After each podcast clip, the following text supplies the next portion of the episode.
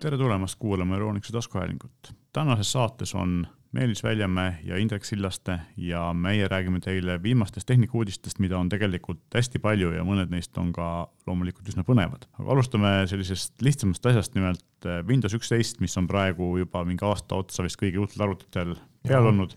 sai esimese suure uuenduse, et selliseid väiksemaid on tehtud ennegi, aga nüüd on siis äh, siis sellise kaks tuhat kakskümmend kaks uuendus, mis äh, toob päris palju uusi asju ja, ja tegelikult noh, välimuses väga palju ei muutu, aga muutub äh, kasutusmugavus, et mulle endale meeldib kõige rohkem see, et kui mul on kaks monitori ja ma tahan sinna kahe monitori peale mahutada näiteks neli erinevat akent niimoodi, et nad oleks enam-vähem võrdselt, siis selle nende tirimine on tehtud veel mugavamaks, nüüd kui sa haarad aknast kinni ja üritad ta liigutada, siis ta viskab sellise nagu joonistab siukse pildi, et kuhu seda kõige paremini mugavamalt panna saad, et see on nagu tegelikult nagu hästi mugav, et sa ei pea enam võitlema sellega, et kas ta läheb õigesse kohta õige suuruses, eks ole. isegi ja no ise sellega seoses isegi väike üks sihuke nupp on selle juures, et see nagu nurgas on see paremas nurgas, mis on muidu see akna suuruse muutmine, kui sa ise liire noolega sinna peale lähed, siis ta tegelikult ju pakub sulle variandid juba välja, et, et saad ühe lihtsalt, lihtsalt, lihtsalt klikiga saad kohe sealt teha siukse esimese kuue akna lahenduse sees saad kohe valiku teha, et just. isegi lohistama ei pea, et tegid natuke, natuke veel lihtsam on see. just, et äh, see mulle meeldib väga. ja teine asi, mis oli Windows kümnel vist, kui ma ei eksi, oli olemas, aga üheteistkümnel oli vahepeal kadunud, nüüd on tagasi, on siis see, et kui sa tahad äh, sinna alla riba peale midagi lohistada või, või lisada mingit äh, äppi või kausta, siis sa saad seda siis võtta sellest ikoonist kinni lohistada, et vanasti sa lihtsalt pidid sinna ikooni peale klikkima, tegema parem kliki ja ütlema, et pane, paigalda see nüüd sinna taskbar'ile, eks ole, sest nüüd, nüüd saab seda lohistades teha. see oli nagu kummaline asi, mis oli ära võetud, üks asi, mis mina siiamaani taga igatsen, mida ei saa veel teha, on see, et Windows kümne minul on kõigil arvutitel on siis see taskbar või tegumiriba on pandud vasakule küljele, mitte alla äärdest, et kuna monitorid on tavaliselt kitsad ja laiad, siis äh, minu jaoks on niimoodi rohkem ruumi, aga seda ma siiamaani Windows üheteistkümnel teha ei saa, mis on tegelikult natuke kurb. kolmas asi, mida on kaua oodatud ja mis nüüd on olemas, on siis see, et et startmenüüsse on tekitatud võimalus teha kaustu, ehk siis sa saad panna nagu mingid ühe, ühte tüüpi äpid või need ikoonid saad panna kausta samamoodi nagu sa Androidil saad teha, eks ole, saad teha endale sobivalt kaustu ja, ja siis niimoodi äh, rakendusi sorteerida, eks ole, või grupeerida. ja noh, lisaks on äh, mugavaks tehtud Bluetooth seadmete haldamine ja, ja muud siuksed pisiasjad. Ja üsna palju on ka selliseid pisikesi, aga aga olulisi disainimuudatusi, mis lihtsalt teevad selle pildi nagu ühtlasemaks, ilusamaks ja selliseks. teevad natukene äpi, äpi, selle Apple'i moodi rohkem. no eks nad lähevad. või Androidi moodi rohkem. Jah, ma, ma jätkuvalt nimetan seda, et ta on väga Linuxilik, aga, aga tegelikult eks nad lähevadki ju, kui sa vaatad iOS-i ja Androidi, siis ka üks läheb ühele lähemale, teine läheb teisele lähemale, eks lõpuks kõik operatsioonisüsteemid on lõpuks ühesugused, sest et ja. tundub, et nagu inimesed ootavad mingisugust konkreetset disaini ja siis kõik tootjad nagu lähevad selle disaini poole, mida kasutajad nagu ootavad, eks ole, et see selline lähenemine üksteisele toimub päris aktiivselt. vaata kui lahe, vaata kui lahe oleks, kui lõpuks oleks kõik oleks, ongi niisugune nagu ühtne platvorm, kõik saavad kõikidest asjadest ühtemoodi aru. kõik seadmed oskavad ühte, oskavad ühte lahendust, kõik, igaüks või toodab, toodab oma tehnikat, vaata kui lihtne oleks jah, no seda kahjuks vist ei juhtu. jah, unistus, unistus on niisugune et meil on selles mõttes nii hästi, et meil ei ole nagu kümmet erinevat konkureerivat äh, asja. ja, ja kolmas asi või, või neljas on praeguseks siis see, et äh, mänguritele on tulnud ka, kuna Windows üksteist on nagunii natukene parem mängimiseks kui vanemad operatsioonisüsteemid just sellepärast, et ta suhtleb äh, otsem graafikakaartide ja asjadega, et ei ole nagu seda tarkvara osal nii palju vahel, mis tähendab seda, et asjad on kiiremad siis nüüd on ka näiteks HDR on tehtud paremaks ja samuti siis äh, VRR ehk siis muutuv äh, värskendussagedus, mis on kiiremate monitoride jaoks väga oluline. Need töötavad nüüd ka niimoodi, kui sul on siis, ei ole ainult täisekraani peal, vaid kui on äh, mäng või, või mingi asi, mis sa kasutad, on aknas, ehk siis ka, ka nüüd ak akna režiimis saab, saab kasutada siis kiiremat värskendussagedust, mis on tegelikult väga hea lisa ja üsna palju on ka selliseid heli või mitte heli, vaid hääle jaoks mõeldud uuendusi, et ta saab paremini aru kõnest ja oskab seda paremini töödelda. aga kuna need no, eesti keele põhiselt siiamaani väga hästi ei tööta, siis, siis need ilmselt ei ole meile siin Eestis praegu hetkel väga tähtsad. aga noh, kui, kui inglise keele diktsioon on hea, siis, siis ta saab sinust ilusti aru. jah, seda küll aga eks see kõne, kõnest arusaamine on ka nagu üsna suur prioriteet ikka kõigi jaoks ja noh, Google on seal küll päris kõvasti ees kõigist, aga, aga tegelikult äh, Microsoft teatavasti püüab sinnapoole, et nende tarkvarad ja asjad oleksid nagu kõigis keeltes, mida kus neid kasutatakse olemas, et nad tegelikult tegelevad selle eestindamisega vähemalt siis nii-öelda tekstis väga aktiivselt, et võib-olla nad jõuavad ka kõnes kunagi sinnamaani noh, kes teab, et võib juhtuda, et nad jõuavad Google'ist ette eesti keele toega, eks ole, et selles Vaeva. mõttes, noh, Windows on ju aastaid eestikeelne olnud ja Office samamoodi, eks ja. ole, et. noh, Google on tegelenud ju oma selle eestikeelse mm, abilisega ju või eestikeelse siis nii-öelda äh, tõlkega vist äkki neli aastat või isegi peale aga, juba. aga seal on ikkagi nagu selles mõttes probleeme, et jah, Google'i klaviatuur toetab eesti keelt, eks ole, saab aru, aga näiteks Assistant siiamaani ei oska eesti keelt või samas ta ei saa aru, eks ole, kuigi võiks no sellega nad ongi neli aastat vähemalt tegelenud, kui lasti siin ju isegi ju mingitele inimese, inimgruppidele lasti ju mingid teatud laused teatud kontekstis sisse lugeda mm -hmm. ja seda infot nad ju kogusid, aga, aga seda kas siis seda kuidagi töödeldakse, noh, ei tea. ilmselt sellega tegeletakse, aga ma usun, et seal on prioriteedid, mida suurem keel, seda rohkem ressurssi sinna pannakse, et selles mõttes on palju suuremaid keeli on olemas kui eesti keel, aga küll nad jõu-, küll nad jõuavad ka selleni. aga ing-, noh, inglise keele oma näiteks aeg-ajalt ma olen, ma olen katsetanud seda kui pöörad äh, assistenti inglise keelde, siis ja noh, oskadki, õigemini diktsioon on hea, siis ta saab ju väga hästi aru ja. jah, vot seal ongi nagu probleemiks see, et minul vähemalt kogemuses, kui sa määrad telefoni, paned telefoni menüü või teed süsteemi keeled eesti keeleks, siis assistent lihtsalt loobub kasu-, töötamast, ta küll avaneb, aga ta ei tee mitte midagi. ja kui sa paned inglise keele peale, siis ta töötab. aga seda dikteerimist või siis nii-öelda Google'i klaviatuuriga näiteks Wordis või, või nende enda kiibis või mõnes sellises äh, Äh, äpis, kuhu saab siis nii-öelda teksti kirjutada, sinna dikteerimine tegelikult töötab, aga sa pead ikkagi rääkima suhteliselt aeglaselt, et kiirest tekstist ta ei pruugi aru saada. Ja tegelikult see on üks äh,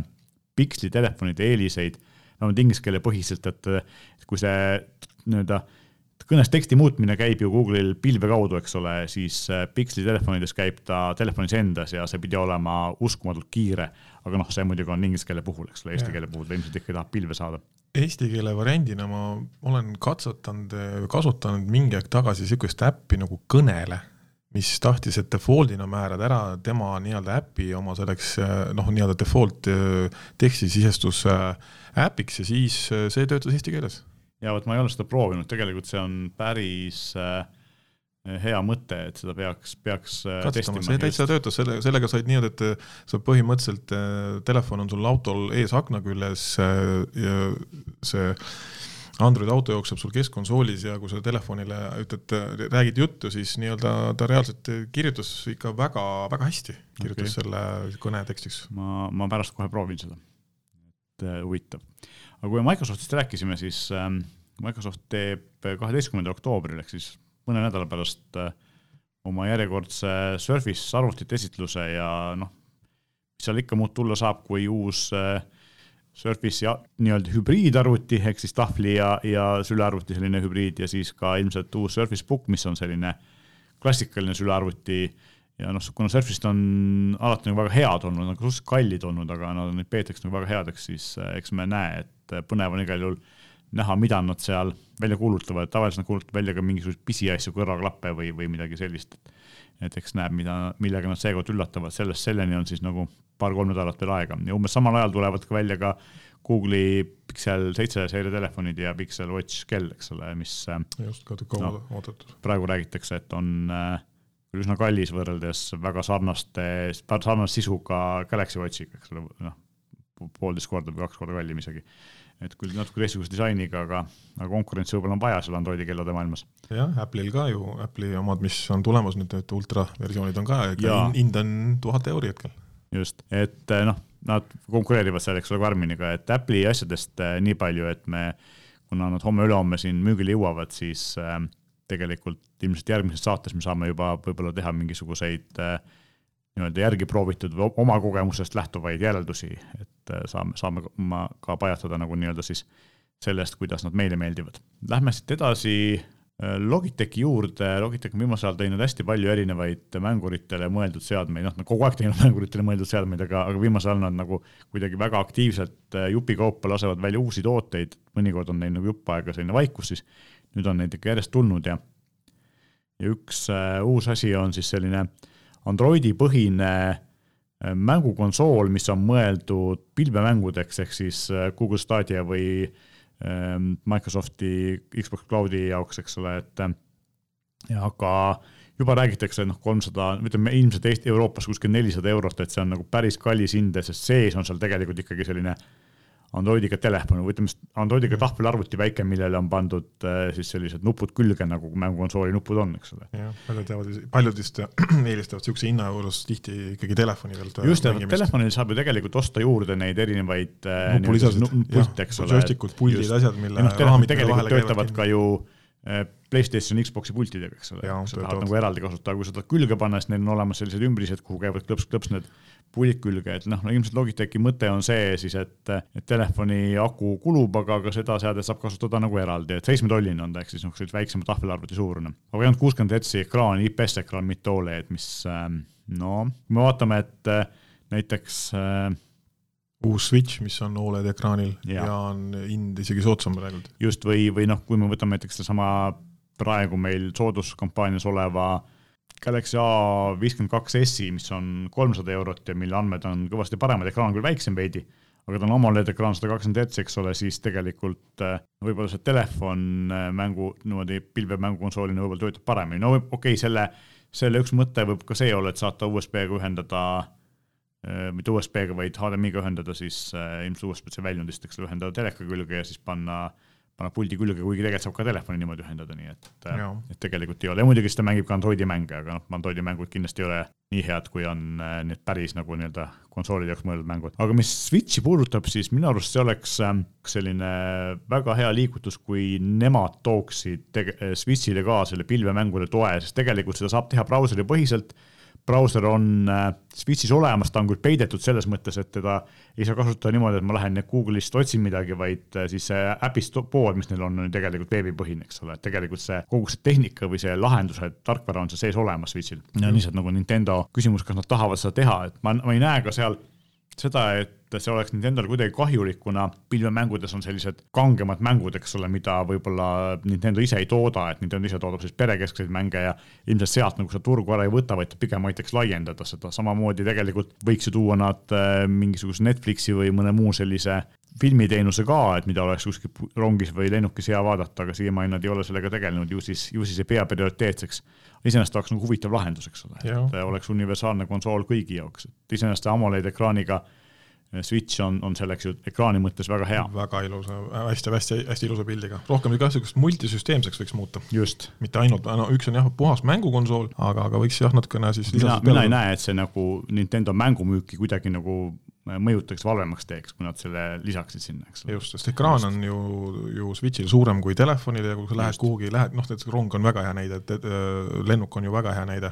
et kui lähedki, võtad konsooli kaasa, mängid, tahad, lülitad ringi, vaatad filmi, eh, kas või siis mingid sisemised platvormid või kui on sul internet taga, mida ka tänapäeval lennukites ju ja rongides ju vabalt ju võimaldatakse. nii et äh, saadki oma suuremat ekraani, et ei peagi, hoiad telefoni taskus ja, ja just, kasutad selleks suuremat konsooli. ei äh, kulu, eks ole, ja, ja teiseks üks on see, et kui sul selle konsooli akuga midagi on, siis seda saab ka akupanga taha panna või siis osades lennukites on ju olemas, rongides eriti on voolupistikud, nii et saab laadida ka. aga kui me mängudest edasi räägime, siis ähm, mõned asjad veel, et Nvidia kuulutas välja, kui me läheme nagu teise äärmusesse põhimõtteliselt, siis Nvidia kuulutas välja uued äh, võimsad ja väga kallid graafikakaardid, siis äh, RTX neli tuhat seeria, nelikümmend üheksakümmend, nelikümmend kaheksakümmend. Ja noh, trend on ikkagi sinnapoole, et kuigi nüüd äh, videokaartide hinnad on natukene kukkunud, sest et enam elekter on kallis, enam ei kaevandata nii palju, teine, tegelikult teine asi, mis võib-olla seda kukkumist veel veab, on see, et üks suurimaid äh, krüptovaluutasid, Ethereum, läks äh, kaevandamise põhiselt platvormilt üle teistsugusele, et nende äh, omandamine enam ei ähm, vaja siis sellist energiamahukat videokaartide kasutamist, nagu ta praegu vahe, vahepeal tehti, mis toob ilmselt osad videokaartide hinnad alla, aga, aga kangemad on ikkagi kallid, kui me kunagi rääkisime, et kohutav, et kõige kallim kange videokaart maksab tuhat eurot, siis äh, RTX nelikümmend üheksakümmend maksab tuhat kuussada eurot või, või isegi rohkem, et, et see ilmselt, kuna praegu euro ja hinnad on dollaripõhiselt antud, aga, aga kuna siin maksud tulevad otsa ja euro on nõrk dollari suhtes, siis ilmselt nad tulevad isegi, võivad sinna kuni kahe tuhande kanti välja minna. loomulikult seal on kuusteist tuhat kudakoori, siis seda tuuma, mis ähm, on kolmandiku võrra vist, kui ma ei eksi, rohkem kui eelmisel oli. võimsus on ka nagu ikkagi hästi-hästi võimekas on ta, et ja mis mulle silma jäi noh, loomulikult lisaks sellele, et DLSS kolm ehk siis sellise ray tracing ehk siis äh, nii-öelda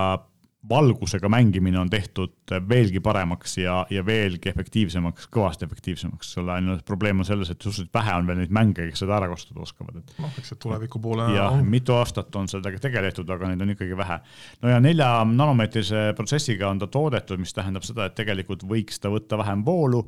aga kuna ta on nii võimas, siis tegelikult ta ei võta mitte vähem voolu, vaid äh, Recommended äh, siis soovituslik toiteplokk nelikümmend üheksakümmend kaardil on hetkel kuskil kaheksasada viiskümmend vatti. jah, ja kui sa paned sinna võimsa protsessori ja, ja muud asjad ka, noh, okei okay,, SSD-d võtavad vähem kui tavalised kettad, aga sellegipoolest noh, niisuguse tuhandevatise plokiga sa enam hakkama ei saa, et tuhat kakssada peab vähemalt olema ja. ja siis, kui sa mõtled elektri hinna peale, siis ja. hakkab valus. tiksub, tiksub arvuti, tiksub sul seal äh, kaheksa tundi jutti, tiksub no. võrgus ja siis vaatad, nüüd, nüüd hakkad lõpuks vaatama, vaatama siis seda elektrienergia hinda lõpuks kokku just, no õnneks on see, et tänapäevased nii graafikakaardid kui ka tegelikult protsessorid ja eriti toiteplokid äh, suudavad ikkagi seda teha, et kui sa ei kasuta aktiivselt, siis nad tõmbavad selle voolutarbe ikka hästi-hästi madalaks alla ära, et noh, mina tean omast käest seda, et eks mul on ka selline vanema toiteploki lauaarvutiga, mis on nüüd supervana ja seal ikkagi ma ei mäleta, millal ma viimati kuulsin, et toiteploki ventilaator töötab, sest ma lihtsalt kasutan seda nii tagasihoidlikus äh, võimsuses, et lihtsalt tal ei ole vaja nagu kõvasti tööd teha, eks ole. Yeah et, et selles mõttes selline niisama vedelemise aeg ilmselt ei võta väga palju voolu, aga kui sa ikkagi hakkad seal mängima, siis pärast võib elektriarve tasumine päris valusaks osutuda. ja lisaks on siis äh, RTX nelikümmend kaheksakümmend kaks versiooni, kuueteistkgigane ja kaheteistkgigane äh, mäluga siis nelikümmend üheksa, kümmend kakskümmend neli giga mälu ja nende hinnad on vastavalt tuhat kakssada ja üheksasada dollarit, nii et eh, natukene vähem võtavad voolu. maksimaalne voolutarve on seitsesada vatti või siis eh, seda, mida nad vajavad ja miinimum on eh, noh, kolmsada kakskümmend ja kakssada kaheksakümmend viis vastavalt, aga ilmselt miinimumiga kang-, kangemate mängude puhul hakkama ei saa. ja need jõuavad siis müügile varsti, noh hiljemalt jõuluks kuidas saadavusega on, seda me ei tea, sest et varem, vanemate kaartide saadavusega oli vahepeal just tänu nendele Bitcoini kaevuritele päris keeruline, aga praeguseks on saadavus paremaks läinud ja kolm tuhat seeria mudelid jäävad müügile soodsama hinnaga, et ilmselt need hinnad siis veidi kukuvad, võib-olla tasub hoopis neid vaadata, kui just ei ole väga, väga tarvis ähm, tippklassi kaarti kasutada. üks asi, mida ma vaatasin, et inimesed, kes teevad tööd ja kasutavad Nvidia kaarti siis äh, videotöötluseks, siis AV1, kaks AV1 enkooderit on, ehk siis see on uus äh, videokoodek, mis, mida kasutavad Netflix ja Youtube ja muud sellised asjad, inimesed, kes teevad nagu tööd professionaalses mõttes äh, videoga, siis nende jaoks võib-olla on see vajalik ja see on võib-olla see koht, kus see hind ka tegelikult ära tasub, eks ole, kui ta teeb ikkagi jälle poolteist korda kiiremini, siis saab oma ülesande poolteist korda kiiremini tehtud, mis tähendab seda, et on rohkem aega teha järgmist asja. saab rohkem teha. just, saab rohkem teha jah, täpselt, ehk siis tegelikult isegi mitte ei pea kiiremini tegema, saad lihtsalt rohkem teha. nojah, et see on ju tegelikult päris tihti selliste videoproffide puhul probleemiks, et neil lihtsalt ei ole aega, et kui sul arvuti renderdab videot viis tundi või kolm tundi, siis tegelikult see kolm, see vahe kaks tundi on, on selline, et sa saad teha kellegi teise projekti ära, eks ole, ja, ja nii-öelda teenindada ära järgmise kliendi ja teenida rohkem raha, eks ole, sellistes, sellistes alades on see koht, kus tegelikult ähm, see ära tasub, see, see kulu, eks ole, et äh, tava võib-olla mängimisel või, või siis eriti siis pühapäeva mängimisel ei ole see kindlasti, kindlasti mõistlik, aga, aga mõistlik on ta siis, kui sa päriselt sellega raha teenid kolmas mängu-uudis on see, et äh, kauaoodatud GTA kuus lekkis väga põhjalikult ja nüüdseks on kinnitatud, et see ei olnud mitte siis ähm, võlts, vaid ongi päriselt nagu õiged kaadrid sealt äh, mängust ja. vaatasin neid videosid ka siuksed natuke hästi siuksed toored, et graafiliselt ma võib-olla oleks ise, noh, see pole tõenäoliselt mingi lõpp, lõpp-produkt ega toode või võib-olla ongi siis madala resolutsiooniga ja. tekitatud videod või, või siis kätte saadud videod, aga aga isest äh, vaatasin seda, neid äh, hüppeliselt neid videosid sealt klikkisin edasi-tagasi, edasi-tagasi, siis no ta minule millegipärast nagu jättis väga GTA viie mulje, mida ma noh, ise siiamaani veel mängin ja, ja aeg-ajalt äh, proovin. aga ta nagu sihukest väga suurt äh, hüpet välja näinud, äh, valguste mängu, jah, see, see nii-öelda see raid racing uga siis see mängimine sealjuures, see oli nagu sihuke ilusam.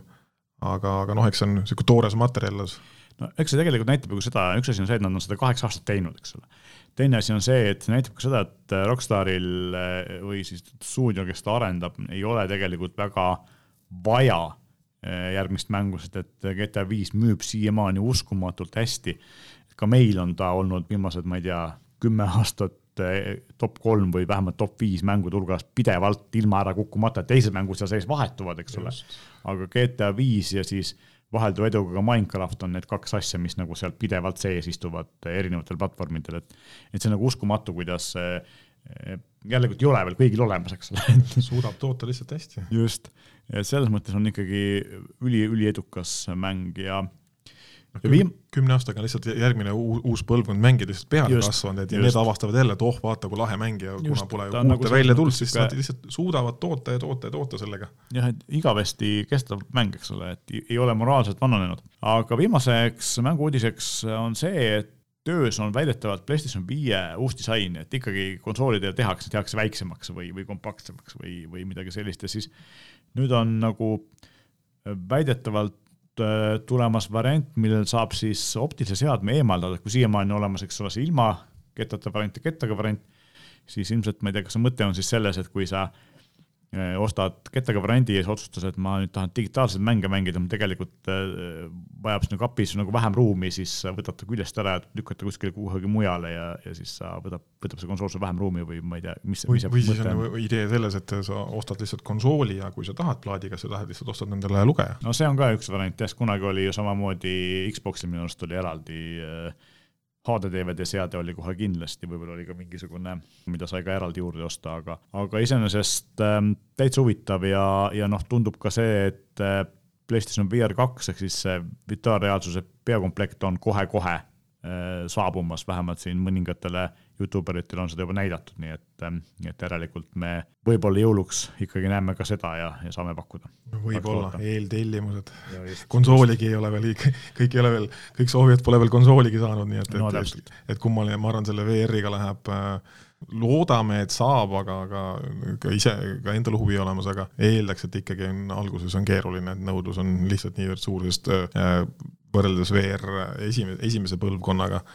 siis äh, numbriliselt on näitajad ikka niivõrd, äh, niivõrd erinevad, et äh, nüüd see PS5-le suunatud VR saab olema pildiliselt midagi ikka ulmeliselt fantastilist, nii et et näinud veel ei ole või õigemini jah, samamoodi neid Youtube eritele pakutavaid lahendusi või neid, seda lahendust nii-öelda vaadanud, aga endal pole veel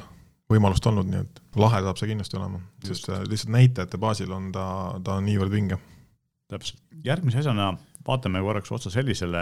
huvitavale või natuke teistsuguse uudisele, et Spotify, kes on lisaks siis muusikale päris pikka aega teinud podcast'e või selles mõttes võimaldanud kuulata podcast'e ja paljud teist kuulavad just ka seda meie saadet Spotify vahendusel, siis nüüd on lisaks sellele nad astunud ka audioraamatute turule aga veidi teistmoodi, et kui enamus Apple Books pakub küll ka audioraamatuid raha eest ja, ja kui võiks oodata, et Spotify, mille premiumi kuumaks on suhteliselt kallis, võiks ju pakkuda selle eest audioraamatuid, eks ole, siis nii see ei ole, et ometigi tuleb sul raamatute eest eraldi maksta ja audioraamatud on olnud kogu aeg hästi kallid ja ka siin ei ole see erand. ehk siis äh, vaatasin korraks seda nimekirja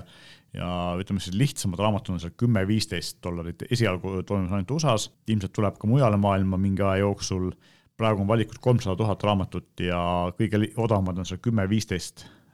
dollarit, aga näiteks ähm, Troonide mängu esimene osa on kolmkümmend kuus dollarit ja, ja mõni selline teine populaarne raamat on kakskümmend viis, sest tegelikult ei ole nagu selles mõttes äh, see hind ei ole nagu selles mõttes jabur, sest et audioraamat ongi kallid, ka teistes platvormides maksavadki sama palju ja need hinnad määrab siis audioraamatu väljaandja, eks ole. kui ma juba maksan Spotify eest, siis ma nagu tahaks, et, et võib-olla see võiks olla see kuumaksu sees, et mina olen äh, audioraamatuid kuulanud noh, üle kümne aasta kindlasti ja ma kasutan jätkuvalt Audible'it ja, ma olen selle koha pealt õnnelik, et minul on veel see nii-öelda vanakooli pakett, mida enam ei pakuta, kus kaheksa naela eest, Inglise naela eest saab iga kuu ühe raamatu. nüüd on see uus pakett, kus on viisteist äh, vist eurot on see hind, nii et nagu peaaegu poole kallim ja selle eest saab siis ühe raamatu ja, ja tegelikult äh, nüüd nad ka Audible teeb vastukäike, eks nad lähevad nagu sinna Spotify või, või teiste selliste voogedastusteenuste turule, et eh, nüüd sa saad ka striimida, sa ei pea enam alla laadima, kuigi mina jätkuvalt laen alla, sest raamatud on hästi suured tavaliselt, mitusada megabaiti võib-olla. ja teine asi on see, et nüüd nad siis selle kuumaksu eest, mitte ei ole nii, et sa maksad selle kuumaksu ja saad selle eest ühe raamatu, eks ole, vaid nad võimaldavad ka siis, neil on ka podcast'e, neil on raamatud, mis on nagu nii-öelda nii-öelda jutumärkides tasuta selle kuumaksu eest, eks sa ei pea nagu eraldi ostma neid et, et nad laiendavad ka seda valikut ja sa saad oma kuumaksu eest rohkem kui varem. Ja tegelikult nad äh, mängivad ka seda podcast'i mängu väga aktiivselt kaasa, ehk siis nad võitlevad äh, eksklusiivide nimel ja viimatine suur uudis oligi see, et äh, Obamad ehk siis nii Barack kui Michelle läksid, kellel on väga populaarsed podcast'id mõlematel, läksid just Spotify'st Audible'isse ehk siis seal ka nii-öelda kuulsate nimede pärast võideldakse tegelikult platvormide vahel väga-väga aktiivselt. et, ähm, et ma tahaks loota, et äkki Spotify tuleb siis vähemalt sellise variandiga, et äh, selle kuumaksu sees on ka mingisugused, vähemalt mingi valik nagu, võib-olla mitte kogu valik, et mingeid asju sa jäädki ostma, aga aga mingi valik raamatuid, et see võib-olla laiendaks seda turgu ja noh, konkurents on alati hea, aga aga seni, kuni ikkagi populaarsed raamatud maksavad sellele kümne või viieteist eurosele kuumaksule lisaks kolmkümmend viis, siis noh, seda ilmselt väga paljud ei, ei tarbi päris palju tegelikult ikkagi, kolmkümmend viis eurot. mulle tundub, et see on nagu jääk, see on nagu jäänuk sellest ajast, kus äh, audioraamatuid tulid alguses nüüd plaadi peal, aga alguses lausa kasseti peal ja siis ühte raamatut oli näiteks kümme kasseti pakis, sest et ta kestis kümme tundi ja kasseti peale mahtus tund aega juttu, eks ole, siis. noh, sellest ma saan aru, seal on, sul on see salvestusmeediad ja kõik asjad seal juures. noh, see oli füüsiline meedia, lisaks see, et sa pidid seda töötlema, eks ole, kui see raamat oli kakskümmend tundi pikk, siis see näitleja, kes tahtis palka saada, luges seda tegelikult mitte kakskümmend tundi, võib-olla kakssada tundi seda töödeldi, eks ole, pärast köhatused välja ja kõik nii edasi, et see oli nagu päris suur töö, on ju. no suur töö on ta siiamaani, aga digitaalsed tehnikad võimaldavad seda ikkagi palju efektiivsemalt ja kiiremini teha ja tegelikult sellepärast ongi äh, Audible läinud nagu seda teed, noh esiteks kuna Audible nüüd Amazoni firma, siis Amazoni Amazon saab nagu nüüd oma jõule loota, eks ole, et seal äh, Just. sünergiaid luua ja asju odavamalt toota, aga nad on ka ilmselt jõudnud äh, ikkagi siis tootjatega kokkuleppele, et see kuumaksusüsteem töötab, et mina olen päris kindel, et see käib niimoodi, et kuna seal on ka üsna palju inimesi, kes maksavad kuumaksu iga päev, iga kuu võib-olla raamatut ei tõmba, eks ole, siis ähm, makstakse nii-öelda nendele kirjastajatele võib-olla rohkem, kui inimene, klient maksab, eks ole, et, et, et selles mõttes on seal võib-olla see, aga ka seal on see, et noh, mina, mina oma kaheksa äh, naelase hinnaklassiga enam kindlasti, kui ma praegu katkestaks selle tellimuse, siis ma enam sama hinnaga kunagi tagasi ei saaks, eks ole, et ka see hind on ikkagi tõusnud. aga teenus on sellegipoolest hea ja ma kasutan seda väga aktiivselt ja noh, hea on see, et siin audioraamatute turule tuleb konkurentsi juurde mis on puudu, on muidugi see, et ähm, Eesti audioraamatuid on väga vähe, eks ole, et võib-olla Spotify, kuna sinna saab väga lihtsalt lisada Eesti podcast'e, siis võib-olla võiks ka tekkida Eesti kirjastajatel huvi ja Spotify'l huvi nii-öelda samamoodi nagu Netflix toetab äh, sarjade tootmist erinevates Euroopa riikides, et võiks võib-olla Spotify toetada audioraamatute tootmist väiksemates riikides, et kuna neil on need võimekused olemas ja miks mitte nagu seda turuosa või nišši ära kasutada. ja seal siis võib-olla võiks teha selle, et paneme ta sinna kuumaksu sisse ja maksame siis kirjastajate autoritele selle eest, sellest osast natuke, et võib-olla tooks huvi juurde palju üldse Eestis, mul selles siit, kus endal nagu ülevaade puudub, et kui palju üldse Eestis reaalselt niisugust eestikeelset audioraamatut saada on? väga vähe. väga vähe, on ju. jah, neid on, aga neid on väga vähe ja tegelikult võiks olla rohkem, ma tean siin päris mitmed äh, kirjastajad on üritanud seda teha ja sellega tegeleda, aga aga seal on ikkagi ka probleeme just see, et see tootmine on päris kallis ja näitlejaid, kes oskavad ja tahavad lugeda, on suhteliselt vähe ja näiteks inimestele meeldiks, siis neid on võib-olla veel vähem, eks ole, ja klassikaline audioraamat, tegelikult siis ka audioraamatut veel ei olnud, aga me kõik mäletame, kui Tõnu Aav luges Veigi lugusid äh, vist veel vinüülplaadi peal, eks ole, et et see on nagu selline ütleme, et Eesti, Eesti audioraamatute turu algus, ma kujutan ette aastat kolmkümmend või nelikümmend tagasi. Aga see töötas ju päris hästi, eks ole, et ja. mina küll kuulasin. Ja tegelikult ongi see, et minu jaoks näiteks Audible'i kogemusest on see, et mulle meeldib, kui loetakse hästi, ma tean inimesi, kes kuulavad ka podcast'e ja raamatuid, keeravad selle äh, kiiruse kahekordseks või pooleteistkordseks. Siis mina ei suuda kuulata, ma tahan, et see, see äh, lugeja oleks hea ja see lugeja selline diktsioon tuleks hästi välja, eks ole, et eriti kui ta teeb seal erinevaid aktsente ja selliseid asju, siis kiiresti lugedes läheb see kõik, või kuulates läheb see kõik kaduma. ja mina olen kuulanud päris mitmeid raamatuid, mis on, kelle on sisse lugenud või mille on sisse lugenud kuulus näitleja, siis tuleb välja, et ta tegelikult ei tee seda väga hästi. Ja siis ma eelistan nagu raamatuid, kelle loeb sisse mittetuntud nimi, aga kes ilmselgelt on just selle ala proff, eks ole, kes ja. teeb seda tööd nagu ülihästi, et alati, kui sa oled hea näitleja teles või filmis, siis see ei tähenda, et sa oskaksid hästi lugeda raamatut, eks ole. mõni, on ka, on ka erandeid. on ka erandeid muidugi. ja et äh, ma hiljuti kuulasin äh, Carl Sagani Kosmost, äh, mis on hästi kuulus raamat, luges LeVar Burton, kes on äh, Star trackis tuntud näitleja ja kohe üldse ei meeldi mulle see. aga samas äh, on, on raamatuid, kelle loevad sisse, ehk siis nii-öelda autobiograafiaid, kelle siis see autor ise sisse loeb, ise kirjutab, ise loeb ja kui ta on ise näitleja, eks ole, siis on nagu väga hea, aga samas no vast-, vastandnäitena Stephen Fry näiteks tuntud näitleja loeb väga palju raamatuid ja ülihästi loeb, nii et, et selles mõttes siin on, on nagu nii ja naapidi. päris tihti on see, et ma ja olengi jätnud raamatu või kuulamata sellepärast, et see lihtsalt see stiil mulle üldse ei istu. et aga, aga see on nagu asi, mida peab kogema, et seda ei saa nagu niimoodi kirjeldada. noh, see on, see on nagu tavalise, tavalise nagu raamatu lugemisega, kas raamat meeldib või ei meeldi. siin on ka audio pealugemisega, et ega see on jah, meeldib või ei meeldi, et siis sa ja siin võib-olla, siin on ka tegelikult see siis, et kuna see on täiesti teistsugune kogemus, siis raamatu, mis sul raamatuna ei pruugi meeldida, võib sulle audioraamatuna väga meeldida ja raamat, mis sulle tegelikult väga meeldib, kui sulle see lugeja ei istu, siis sa ei saa seda kuulata, eks ole, et see on täpselt niimoodi. aga lähme siit edasi äh, Apple'i juurde. App Store tõstab kõvasti hindu, et inflatsioon on jõudnud ka siia ja inflatsioon on umbes sama suur, kui ta meil Eestis üldiselt on, ehk siis äh, hindu tõstetakse umbes kakskümmend protsenti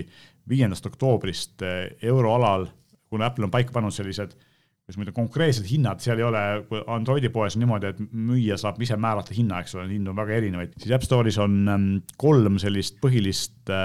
hinnapaketti, on üheksakümmend üheksa senti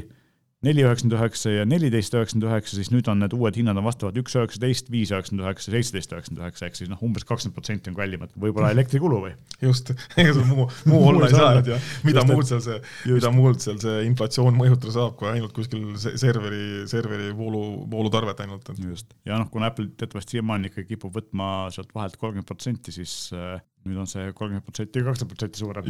et rohkem raha neile, saab ka serveri kulud tagasi. ehk siis teadke, et kui te tahate mingit äppi osta, siis äh, tõenäoliselt tasub seda enne, enne viiendat oktoobrit teha, hoiab natuke raha kokku. teine asi, mis puudutab sellist virtuaalset asja, on see, et äh, populaarne nutipank võiks, nimetaks nutipankadeks. just, online pank. oo oh jah, et, et äpipank. äpipank. just, Revolut, keda ka Eestis päris palju kasutatakse, nendelt on lekkinud omajagu andmeid, nii et kui te kasutate Revoluti teenuseid, siis tasuks äh, vähemalt parool ära muuta ja võib-olla, kui seal on mingid kaheastmelised kinnitused, siis neid äh, kasutada ja, ja seal ka võib-olla midagi muuta, et äh, Revolut on Eestis üsna populaarne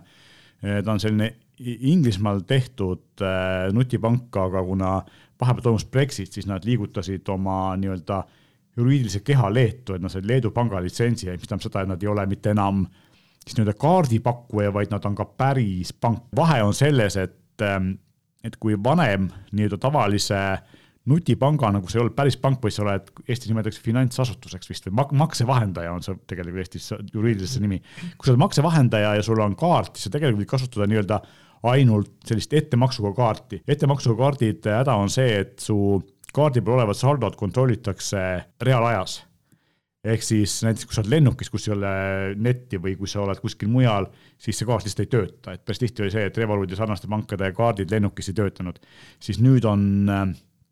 ja tänapäeval nüüd päris paljudes lennukites on nüüd peale koroonapandeemiat on tekkinud see, et enam ei saa sularahas maksta või saab ainult kaardiga maksta. siis mina tean, et oli aeg, kus Revoluti kaardiga ei saanud maksta, siis nüüd, kus neil on Leedu panga litsents, nad päris pangad, siis nad on ähm, Visa ja Mastercardi partnerid, ehk siis äh, nüüd nad pakuvad päris debetkaarti, ehk siis sa saad maksta ka siis, kui sul ei ole netiühendust, ehk siis nii-öelda sul on mingisugune limiit, mille ulatuses pank sind usaldab, eks ole, et sa, sa saad nagu pärast tehakse tehing tagantjärgi ära, siis registreeritakse kuskil süsteemides. et ehm, ja miks Revolut Eestis oli populaarne, oli see, et seal oli äh, ta, oli üks esimesi, kes ta oli üks esimesi, kes pakkus Apple Pay'd ja Google Pay'd, ehk siis inimesed, kes Eesti pankade kaartidega ei saanud kellaga maksta siis või telefoniga, siis see oli asi, mis seda võimaldas ja, ja see on nagu nüüd äh, niimoodi jäänud. Ja seal on ka teisi siukseid mugavusasju, et neil on need virtuaalsete kaartide süsteem on hästi õnnestunud, kuigi see on näiteks ka LHV pangal olemas, eks ole, et kuna Revolut on Eestis populaarne, siis äh, usun, et siin on ka võib-olla kasutajaid, kes meie saadet kuulavad, nii et äh, no, vaadake oma sealt üle. eeldaks seda, et sealt nii-öelda asutuse poolt on tulnud juba selle lekkimise kohta ikkagi ka minul on ka ja, Revoluti konto, mina ei ole kirja saanud, mis võib tähendada seda, et kas nad pole seda saatnud või siis mina ei ole nende hulgas. just, et siis igaks juhuks kontrollida no, tegelikult on see, et kakskümmend tuhat Euroopa Liidu klienti on väidetavalt selle äki tõttu kannatanud nendest miljonitest, kes neil on, nii et võib-olla siis see summa on, ongi see kogus piisavalt väike, eks ole, et minuni ei jõudnud. aga igaks juhuks tasub üle, üle vaadata. paar uudist siia lõppu veel, et üks selline täitsa huvitav uudis on see, et tehti uuring, kus inimesed, kes vajavad operatsiooni, operatsiooni käigus tuimestust, siis kui neile panna samal ajal pähe virtuaalreaalsuse prillid ja näidata sealt mingisugust rahustavat videot, siis nad vajavad kordades vähem tuimestust, ehk siis selline valust eemaldumine muude viisidega töötab ka päris hästi, et kui sa oled kuskil omas maailmas ja ei mõtle sellele operatsioonile valule, siis sul ei ole vaja nii palju tuimestust, et see on tegelikult kehale parem, kuna tuimestust tegelikult ei ole jah, näidatakse, näidatakse mingit komöödiat sulle, sa naerad seal mõttes, mõttes naerad, vaatad ja naerad. jah, ma ei tea, kuidas see töötab, sest kui sa hakkad nagu seal naerukrappidest tõmblema, siis see ei ole just operatsioonile väga hea, aga, aga jah, iseenesest on, on tegelikult huvitav lähenemine kuidagi, kuidas nagu naturaalselt ja vähem kemikaale kasutades inimesi valust võõrandada, eks ole, või, või see. tõenäoliselt see on ikkagi siis äh, sellisele nii, kus inimene peab olema ise ärkvel, tehakse lokaalse narkoosiga asja ja siis äh, lihtsalt viiaksegi viiaksegi lihtsalt mõtted eemale, et ta ei oleks selle operatsiooni enda juures, vaid, vaid äh, üritatakse siis äh, eemale viia ta sealt mõtetega ja siis seetõttu siis organismile vähem sellist äh, keemilist koormust. mulle noh, see mõte nagu selles mõttes meeldis, et ma just mõtlesin ise, kus ma olin hambaarsti juures mitu tundi no, tooli peal pikali tehti mingid, mingid tegevusi ja kohaliku tuimestusega, siis tegelikult eh, kasvõi selleks seda aega veeta nagu kuidagi seda äh, igav on ju seal olla, eks ole, mitu tundi. prillid, pähe, pult pähe, hakkab mängima. just, aga see on see, et, et kui sul nagu prillid on näos, ega suule väga ligi ei pääse, et hambaarsti juures see väga hästi ei tööta praegu vist, aga iseenesest mõttena oleks väga hea. viimasena selline huvitav teadaanne, et Intel lõpetab Pentiumi ja Celeroni brändide kasutamise, et noh, Celeronist tegelikult oleks juba ammu võinud lahti saada, sest ta on sellise odava arvuti sünonüüm mõnes mõttes, mis võib-olla ei ole hästi teenitud, sest et uuemad Celeron ja, ja Pentium protsessorid on olnud nagu suhteliselt korralikud, aga selle asemele tuleb siis nüüd lihtsalt Inteli protsessor logo, mis noh mina ütleks, et võib-olla oleks Pentiumi võinud selle asemel alles jätta, et selline väljend Inteli protsessor on kuidagi kohmakas ja, ja mitte midagi ütlev et.... vana juba. jah, just, et aga noh, Celeronist äh, lahti saamine mõnes mõttes, tegelikult nad on kunagi püüdsid seda lõpetada juba varem, aga nüüd siis järelikult on nad jõudnud järeldusele, et või jõudsid vahepeal järeldusele, et piisavalt tuntud brändid on, et nende seljas nagu saab nii-öelda liugu lasta pikalt ja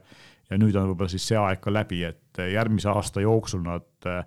lõpetavad siis nende brändide kasutamise praeguste plaanide kohaselt. võib kõik muutuda, aga,